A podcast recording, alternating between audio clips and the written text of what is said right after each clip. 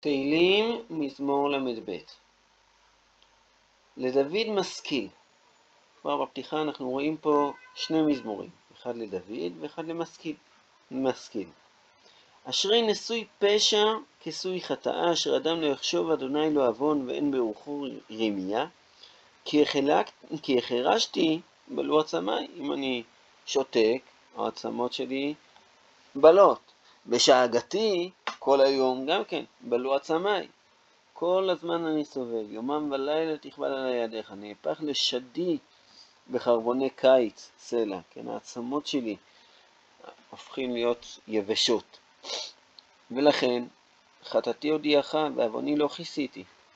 אמרתי אודה על נפש העי, ואתה נסעת, עוון חטאתי סלע. אני מודה, אני מודיע את החטאים, לא מכסה אותם, ואתה נושא את עוון חטאתי. על זאת תתפלל כל חסיד אליך לעת מצור, רק לשטף מים רבים מאליו לא יגיעו. אתה סתר לי מצר תצרני, רנה פלט תסובבני סלע. אתה סתר לי, אתה תוציא אותי מתוך הצרות, ואתה תפלט אותי, כן, תושיע אותי, מתוך, תסובב אותי ישועה, סלע. מכאן מגיע המשכיל, השכיל לך. השכיל לך ואורך בדרך זו תלך, יעצה עליך עיני. אל תהיו כסוס כפרד אין אבין, במתג ורסן הדיו לבלום בל קרוב אליך. אני אומר לך, אני משכיל אותך, תראה מה שקרה. אני מייעץ לך, אל תהיו כסוס כפרד שלא מבינים. במתג ורסן, הדיו, לבלום, כן, יש להם תכשיטים יפים שבולמים אותם, בל קרוב אליך. רבים החופים לרשע, והבוטח בהשם חסד יסובבנו. שמחו בהשם וגילו צדיקים והרנינו כל איש רלב. המזמור הזה, יש פה, כמו שאמרנו, את החלק המשכיל ואת החלק של דוד.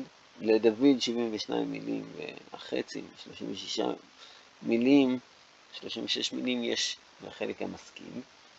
ההתחלה, יש איזה חטא שדוד מתוודה עליו, באושרו של מי שאין לו חטאים, אבל גם מי, ש... גם מי שחטא, אז הוא מתוודה. הוא יוצא, יוצא מתוך הקושי על ידי הווידוי, ויש לו איסורים, כאילו אפשר להבין מפה שבאמת הטוב ביותר, העצה הכי טובה, לא לחטוא, ואם חוטאים, אז להגיע לווידוי. איזה חטאים מדובר? יש לנו שני חטאים של דוד ככה, הגמרא אומרת שדוד בשתיים, וגם החטא של אוריה החיתי וגם החטא של ההסתה. החטא של ההסתה עליו מסופר בסוף, ה... בסוף ספר שמואל ב', שהשטן הסית אותו למנות את ישראל, והחטא של אוריה החיתי. אז על זה נאמר, אתה לא תעשו חרם מביתך עד עולם.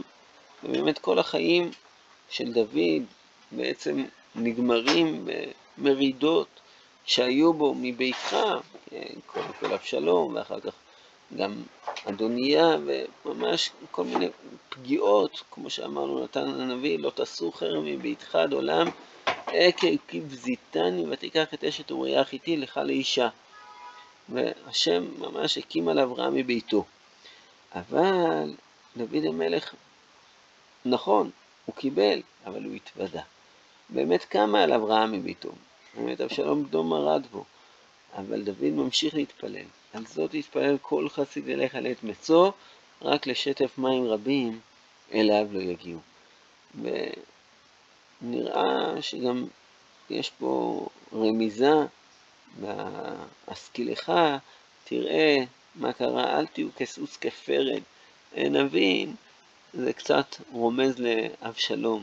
שבהתחלה הוא הכין לעצמו מרכבה וסוסים, ובסוף הוא היה רוכב על הפרד, והוא הגיע תחת שובך, סובך האלה הגדולה, החזיק את ראשו בין השמיים והפרד עבר מתחתיו, והנה התכשיט של אבשלום, אז באמת עצר אותו והביא אותו לזה שבל קרוב אליך.